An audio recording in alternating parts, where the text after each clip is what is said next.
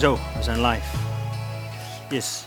Nou, goedemorgen. Pieter eh, refereerde al eventjes inderdaad aan onze jaarthema uit uh, Hebreeën 12. Laten ook wij alle last en zonde waarin we verstrikt raken van ons afwerpen en vastberaden de wedstrijd lopen die voor ons ligt. En laten we daarbij onze blik gericht houden op Jezus, de grondlegger en voleinder van ons geloof. Dat is de tekst waar we dit jaar mee verder gaan. Pieter zei al, hij gaat een klein beetje verder nog. Hè? Hij heeft het kruis eigenlijk teniet gedaan. Hij zag verder dan de schande van het kruis. Om de vreugde die voor hem lag, heeft hij het kruis verdragen. Dus daar zijn we mee bezig dit jaar. En we hebben, hebben erover nagedacht, over gebeden. We hebben het idee dat God zegt, ga hiermee aan de gang. Pak deze tekst uit. Kijk hem van alle kanten. En dat gaan we nu doen uh, aan de hand van Jezus is. Dat is het uh, eerste thema. Laten we onze blik gericht houden op Jezus. Oké. Jezus is. We gaan ons laten inspireren door te kijken naar wie Hij is. Kors had het vorige week al over degene die geloof bouwt. Jezus die kijkt naar het vertrouwen dat we hebben. En we hebben, dit jaar zijn we begonnen met kijken naar onze passie en visie. We zien grote dingen. Maar hoe past dat bij het leven met Jezus? Nou, ik wil vandaag kijken uh, naar een Bijbeltekst. Die gaat over het leven van Jezus, over wat Jezus doet, over wie Hij is. En als je je Bijbel bij je hebt, kun je met mij opzoeken Johannes 2. Gaan we lezen vanaf vers 1. Verschijnt hier ook achter mij op de beamer. Een verhaal over Jezus. En op de derde dag was er een bruiloft te Cana in Galilea. En de moeder van Jezus was daar. En Jezus was ook voor de bruiloft uitgenodigd en zijn discipelen. En toen er een tekort aan wijn ontstond, zei de moeder van Jezus tegen hem: Ze hebben geen wijn meer. En Jezus zei haar: Vrouw, wat heb ik met u te doen? Mijn uur is nog niet gekomen. Zijn moeder zei toen tegen de dienaars: Wat hij ook tegen u zal zeggen, doe het. En er waren zes stenen watervaten neergezet volgens het reinigingsgebruik van de Joden, elk met een inhoud van twee of drie metreten. Jezus zei tegen hen: Vul de watervaten met water. En ze vulden ze tot aan de rand. En hij zei tegen hen: Schep er nu iets uit en breng het naar de ceremoniemeester. En zij brachten het. Toen de ceremoniemeester het water geproefd had, dat wijn geworden was. Hij wist niet waar de wijn vandaan kwam, maar de dienaars die het water geschept hadden, wisten het. Riep de ceremoniemeester de bruidegom en hij zei: Iedereen zet eerst de goede wijn voor en wanneer men er goed van gedronken heeft, daarna de mindere. Maar u hebt de goede wijn tot het laatst bewaard. Dit heeft Jezus gedaan als begin van de tekenen te Cana in Galilea. En hij heeft zijn heerlijkheid geopenbaard en zijn discipelen geloofden in hem. Tot zover. We even bidden samen? Heer Jezus, dank u wel dat u goed bent, dat u hier bent. Dat u nog steeds de God van wonderen bent. Heer, en we lezen erover in de Bijbel, in dit verhaal. Maar vandaag geloof ik wilt u ook een wonder in ons leven doen. Wilt u ons steeds meer laten kijken op u, laten zien wie u bent. Zodat we meer van u gaan houden, meer op u gaan lijken, meer zoals u gaan leven. En laat dat wonder ook vandaag in ons hart gebeuren, dat we meer van u houden, Jezus. Ik wil toch nog stiekem even bidden voor Feyenoord vanmiddag, in Jezus' naam. Amen. Amen. Amen. Amen. Mag wel, hè? Mag wel. Geen garanties, zei Maarten al. Um, pas is het oud en nieuw geweest en wij stonden net zoals heel veel andere mensen ook buiten met natuurlijk weer veel vuurwerk van die rare ronddraaidingen en rotjes die maar niet opraken. En omdat je dan bezig bent met al je eigen kleine vuurwerk, zie je het schitterende vuurwerk om je heen niet. nog meer mensen ook. Ja, oké. Ja, een paar, paar, euro dan. En dan sta je nog de hele nacht te knallen met die, met die ellende. Maar één opmerking van een van mijn dochters is me wel bijgebleven. En ze zei, toch bijzonder dat uit zo'n klein saai lontje zoiets bijzonders kan komen. Klein saai lontje. En als je dat aansteekt, wauw. Wat kan er dan al niet allemaal gebeuren? En uh, ik vond het wel heel, heel mooi en dat zet een gedachteproces in mij uh, in gang. En ik moest denken, ja, eigenlijk zijn wij ook bedoeld als vuurwerk, toch? Want vuurwerk is, is hoorbaar, maakt best te knallen. Het is zichtbaar, het is kleurrijk, het is allemaal verschillend. Maar wat vuurwerk ook doet, het luidt het nieuwe begin in. Jij en ik zijn ook bedoeld als vuurwerk. Hoorbaar, zichtbaar. En waar wij komen, luiden wij het nieuwe begin in. Ik zat te denken over een, preektitel vandaag, Jezus is, puntje, puntje, puntje. Nou, ik ben hierop uitgekomen, Jezus is dol op feestjes. Dol op feestjes. We lazen het net al, water in wijn veranderen op een bruiloft. Maar ook, maar ook dat oud en nieuw, zo'n feest. Jij en ik zijn bedoeld als vuurwerk. Jij en ik zijn bedoeld als wijn. Nou, ik ga er een klein beetje mee verder. jouw leven is als vuurwerk in zijn handen. Het ziet er misschien simpel uit, hè? jouw leven. Dat je denkt, ja, wat heb ik nou te bieden? Ik ben niet speciaal geleerd, ik ben niet heel slim, ik ben, uh, weet ik veel, niet zo heel bijzonder voor de rest. Wat kan er nou uit mijn leven komen dan? God, hoe... Er zijn vast wel andere bijzondere mensen die hele bijzondere dingen gaan doen, maar mijn leven is eigenlijk maar heel saai vuurwerk. Maar jouw lontje, jouw normale leven, jouw normale keuzes, als er een fikkie in mag komen, gaan er fantastische dingen beginnen. Op dezelfde manier verandert Jezus hier alledaags water in wijn.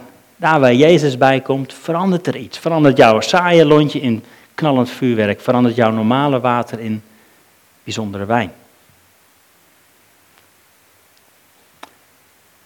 Ik ben een beetje aan, een beetje aan het verdiepen in, uh, in zeg maar, de, de Joodse kant van het verhaal. Waarom? Jezus was niet voor niks geboren als Jood te midden van de Joden in het, volk van God. Met al hun gebruiken, met al hun bijzonderheden. En een van de dingen die ze daar belangrijk vinden is dat wat als eerste voorkomt.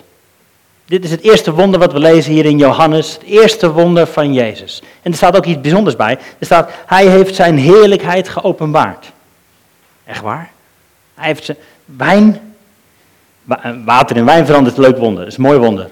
Ongeveer 600 liter, heel mooi wonder. Maar is dat zijn heerlijkheid? Echt waar? Het is, het is mooi, maar het is niet zo mooi als iemand uit de dood doen opstaan, toch? Zou je denken. Dat is, dat is een echt fantastisch wonder. Maar water en wijn, wat betekent het dan? Hij heeft hierin zijn heerlijkheid geopenbaard. Ik zei al, het is het eerste wonder wat we lezen in Johannes. En ik geloof niet dat Johannes dat per ongeluk zo heeft opgeschreven. Johannes weet ook dat wat als eerste voorkomt, dat zet de toon voor de rest van het verhaal. Dus is het leuk en belangrijk en interessant om eens te kijken, maar waar, waar, waar zien we dat nou eerder? Water, dat, dat wordt veranderd in iets roods. Water wat wordt veranderd in iets roods. Zien we eerder, hè? Sorry? Mozes, heel goed. Mozes, het eerste wonder wat Mozes kwam doen in Egypte om het volk te bevrijden. Hij doet zijn staf in het water en dat verandert in bloed. Het was geen wijn, daar werd het bloed. Maar het komt nog eerder een keertje voor. Dat is belangrijk om dat te weten. Dat is een leuke woordstudie ergens in, in, helemaal in Genesis 2. Misschien kun je erbij pakken op de beamer.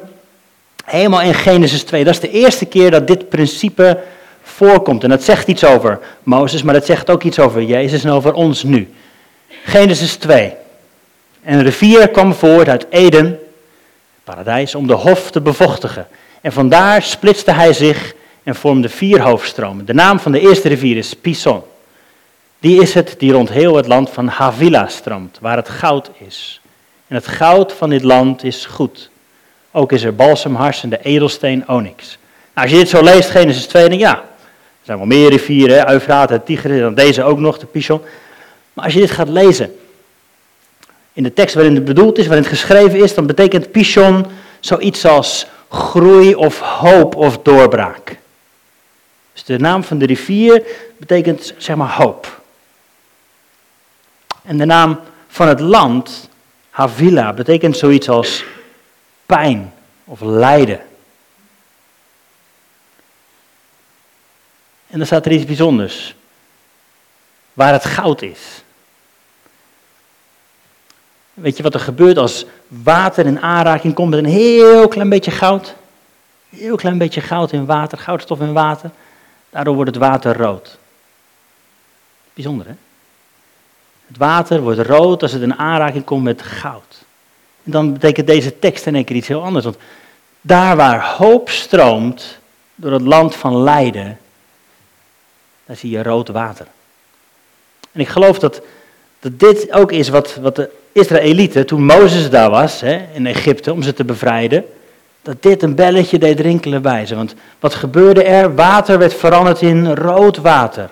Hoop gaat stromen in het land van lijden. Hoop begint te stromen. Midden in het land van lijden, daar waar goud bij komt. Hoop begon te stromen. Dus daarom was dat voor de Israëlieten toen ook, denk ik, een heel groot wonder en een teken. God is erbij. Water wordt veranderd in bloed. Wauw. Daar waar lijden was, begint nu hoop te stromen. God komt erbij, hij verbindt zich hieraan. En het water wordt rood. Hoop. Nieuwe hoop, midden in lijden. En als je het verhaal van Jezus leest in dit verband, dan moet het ook een belletje doorrinkelen bij die discipelen. Hij toont zijn heerlijkheid en zijn discipelen geloofden in hem, want water wordt veranderd.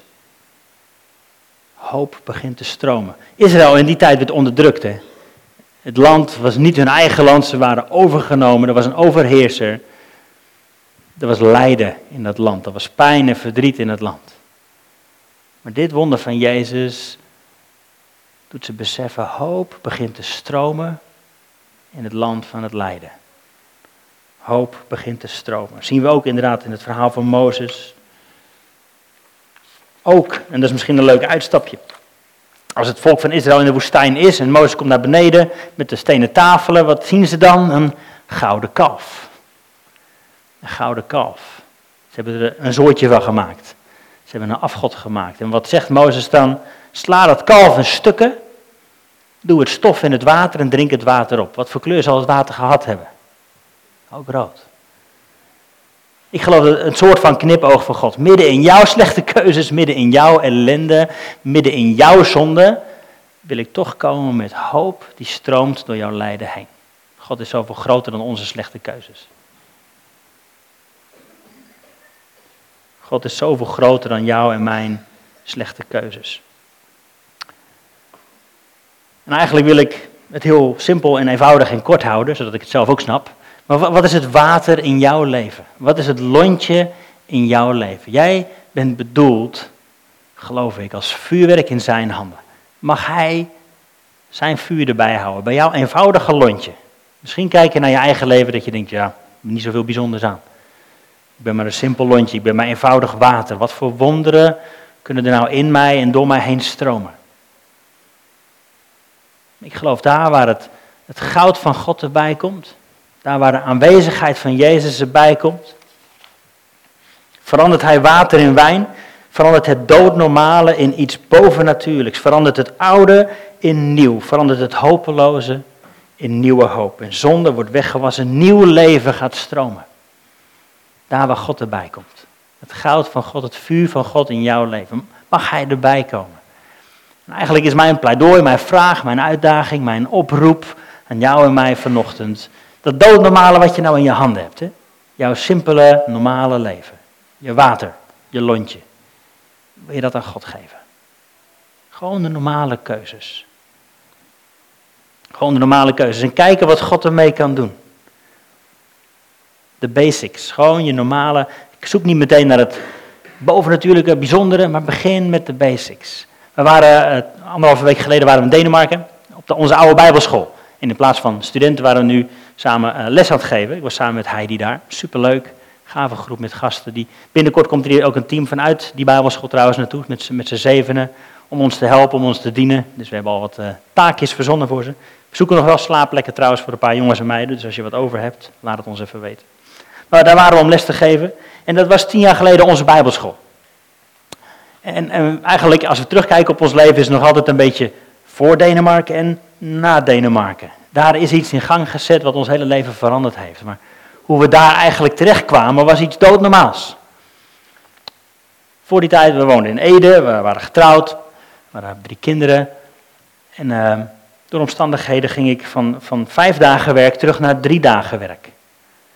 Het was echt zo'n ding dat je denkt van ja, wat moeten we hier nou mee? God, ik weet niet of u het kunt gebruiken, maar... En eigenlijk was dat hele simpele, dat, was, dat zette iets bijzonders in gang. Die hele simpele beslissing om te zeggen, Heere God, uh, vijf dagen werk zijn nu drie dagen werk geworden, deze twee dagen, ja, wil, wilt u er iets mee doen? Ik heb geen idee, maar wilt u er iets moois mee doen? En uiteindelijk kwam ik via via bij, bij Jeugd met de Opdracht terecht. En daar heb ik een paar jaar mogen werken voor onze broers en zussen in India. Maar daar begon iets in mij te veranderen. Heidi was altijd al klaar voor avonturen. Heidi was altijd al klaar om te gaan. Ik was er wat meer behoudend en ik wilde best gaan als God een briefje uit de hemel stuurde. Maar dat deed hij niet. Maar wat er wel gebeurde is dat hele normale wat ik aan hem gaf. Ik zei, God, ik heb niet veel, maar ik heb wel een beetje tijd. En via jeugd met de opdracht kwamen we een keer op, op vakantie in Denemarken. En via die vakantie kwamen we terecht op die bijbelschool. Via, via, via. En uiteindelijk leiden we ons leven nu. Zijn we bezig met kerkplanten, horen we fantastische verhalen van levens die veranderd worden. Is dat water wat we toen hadden ondertussen al aan het veranderen in wijn? Ik geloof dat er nog veel meer gaat stromen, maar zo'n hele simpele beslissing door te zeggen, mijn tijd is niet van mij. Heere God, ik heb twee dagen over, ik, ik kan misschien wel ergens anders werk vinden, maar die twee dagen zijn voor u. Teruggegeven aan God. En langzaam is daar een proces in gang gezet van water, wat wijn werd. Waardoor we nu doen wat we nu doen. Samen met een hele grote groep mensen aan het werk, aan het bouwen in Gods koninkrijk. Mensen zegenen, kerk bouwen. Wat is jouw water? Wat is jouw lontje? Wil je vuurwerk zijn in Gods handen? Nogmaals, jij en ik zijn geroepen om hoorbaar te zijn, om geluid te maken, om kleurrijk te zijn, om zichtbaar te zijn, om, om het nieuwe begin in te luiden. Waar we ook komen, hoop laten stromen in het land waar pijn is. En ik geloof dat God het allereerst in ons wil doen. Dat hij eerst hoop in ons wil laten stromen. Nieuwe hoop laten stromen in het leven, in onszelf, waar we denken, er is hier pijn. Wat kan hier nou gebeuren? Maar ik geloof dat Jezus hoop wil laten stromen door het land waar eerst pijn was. En dan zul je zien dat door jouw leven heen, dat jij dat water bent geworden. En dat waar jij komt in levens van mensen, dat daar hoop begint te komen. Door woorden die je spreekt, door een, een arm, door een bemoediging, door gewoon hulp. Gewoon door daar te zijn. Jij en ik water mogen zijn. Dat wordt veranderd in wijn, in levens van mensen. Jij en ik het lontje mogen zijn waar Jezus zijn vuur in zet, waardoor er een impact komt in deze wereld. is een hele simpele vraag. Wat is jouw water? Wat is jouw lontje? De doodnormale dingen in je leven. Je, je, je baan, je relaties, je vrienden, je kinderen, je, je partner. Wat is het water in jouw leven? Dus een paar vragen om eens over na te denken. Is, is Jezus je redder en je Heer? Fantastisch om te beleiden dat je gered bent. Maar, maar, maar, ga je ook jouw leven leiden?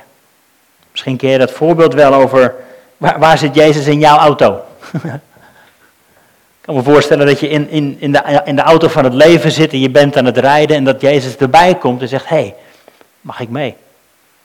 En dat je misschien eerst op de, op de bijrijderstoel laat zitten. Of achterin. Eerst maar eens achterin. U mag wat goede raad geven.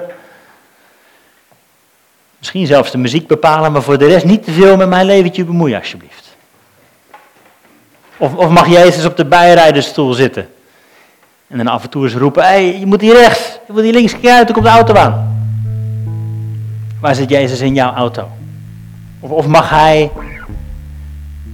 op de bestuurdersstoel zitten en het stuur in handen nemen? En je keuze bepalen. Waar ga jij dan zitten? Ga jij, ga jij zitten? nee, Jezus niet linksaf. Nee, nee, dat is een verkeerde route. Nee, nee, niet, niet de weg van vergeving. Nee, niet die weg. Volgens mij is dat uh, eenrichtingsverkeer, kan niet hoor.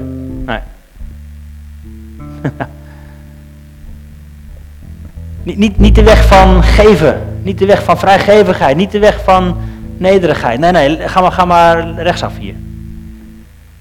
Waar zit jij in je auto? Heb je Jezus het stuurwiel in handen gegeven? En zit je je ermee te bemoeien? Of, of durf je alvast achterin te gaan zitten? Heer Jezus, ik, wil u vertrouwen. Ik heb niet veel, het is mijn oud barrel, mijn autootje, het doet niet veel meer. Maar als u hem kunt besturen, neem hem dan maar en leid mij. Kijk op welke plekken je terechtkomt. Is dat jouw leven? Is dat je verlangen om Hem te gaan vertrouwen? Ook in je eigen pijn, in je eigen twijfels. Dat je denkt, oké, ik heb niet veel. Geef het in uw handen. U bent het waard. U kunt van water wijn maken. U kunt dode mensen laten opstaan uit de dood. U bent nog steeds dezelfde. U bent nog steeds betrouwbaar. U bent nog steeds goed, nog steeds trouw. Mijn oude autootje wil ik aan u geven. Mijn flessen met water, ik kan er niet veel mee. Ik wil het aan u geven. Mijn, mijn simpele vuurwerk, mijn lontjes, alsjeblieft. Eigenlijk is dat heel eenvoudig mijn oproep. Soms maken we het heel hoogdravend en moeilijk, en, maar eigenlijk brengen we weer terug naar de basis. Is Jezus je redder en Heer? Mag Hij je leven besturen? Mag Hij je leven leiden? Mag Hij je vullen? Je leven leiden? Ben je gedoopt? Ook zo'n vraag. Misschien kun je die vragen eens aan jezelf stellen. Ben je gedoopt? Wil je heel eenvoudig in, in die simpele keuzes bekeer en laat je dopen? Is dat de stap voor jou? Ben je vervuld met de Heilige Geest? Of ga je dan in één keer op de bijrijdenstoel zitten en je ermee bemoeien? nee, dat hoeft nog niet. Even wachten. Durf je Hem te vertrouwen met je leven? Deel je je leven met andere discipelen? Jezus koos er twaalf. En niet zomaar twaalf hele botsende karakters. Maar uiteindelijk deden ze samen het leven. Maar het zijn het. We hebben binnenkort connectgroepen weer deze week. Continu gaat het door. Een uitstekende plek om je leven te delen met andere gelovigen. Om af en toe eens tegen elkaar aan te knallen. Dat je denkt, ja, waarom zeg je dat nou? Vervelend, jij bent lastig, jij bent moeilijk. Deel je leven met andere mensen. Met andere discipelen die dezelfde kant op gaan. Die hun autostuurtje ook aan Jezus hebben gegeven. Kom gewoon regelmatig naar de diensten. Ik weet niet wanneer het modern is geworden om één keer in de maand te komen of één keer in de drie weken. Eh, geen idee. Volgens mij is het heel gezond om daar een gewoonte van te maken. Dat ook over Jezus. Zoals hij gewoon was, ging hij. Gewoon een normale gewoonte. Moedig elkaar aan. Vuur elkaar aan. Kom. Kom naar de connectgroepen. Nodig elkaar uit ook. Hoe gastvrij ben je? Volgens mij is het een van de eerste vereisten voor het leven in leiderschap. Ben je gastvrij? Is je huis open? Nodig je mensen uit? Heb je maaltijd met elkaar? Hoe gastvrij ben je? En iets meer praktisch dan binnen het leven van een kerk, van een groep mensen die samen achter Jezus aan wil. Bid je mee? Help je mee? Geef je mee? Bouw je mee? Vraag om jezelf te stellen. Het zijn de dood normale dingen die ons leven vormen.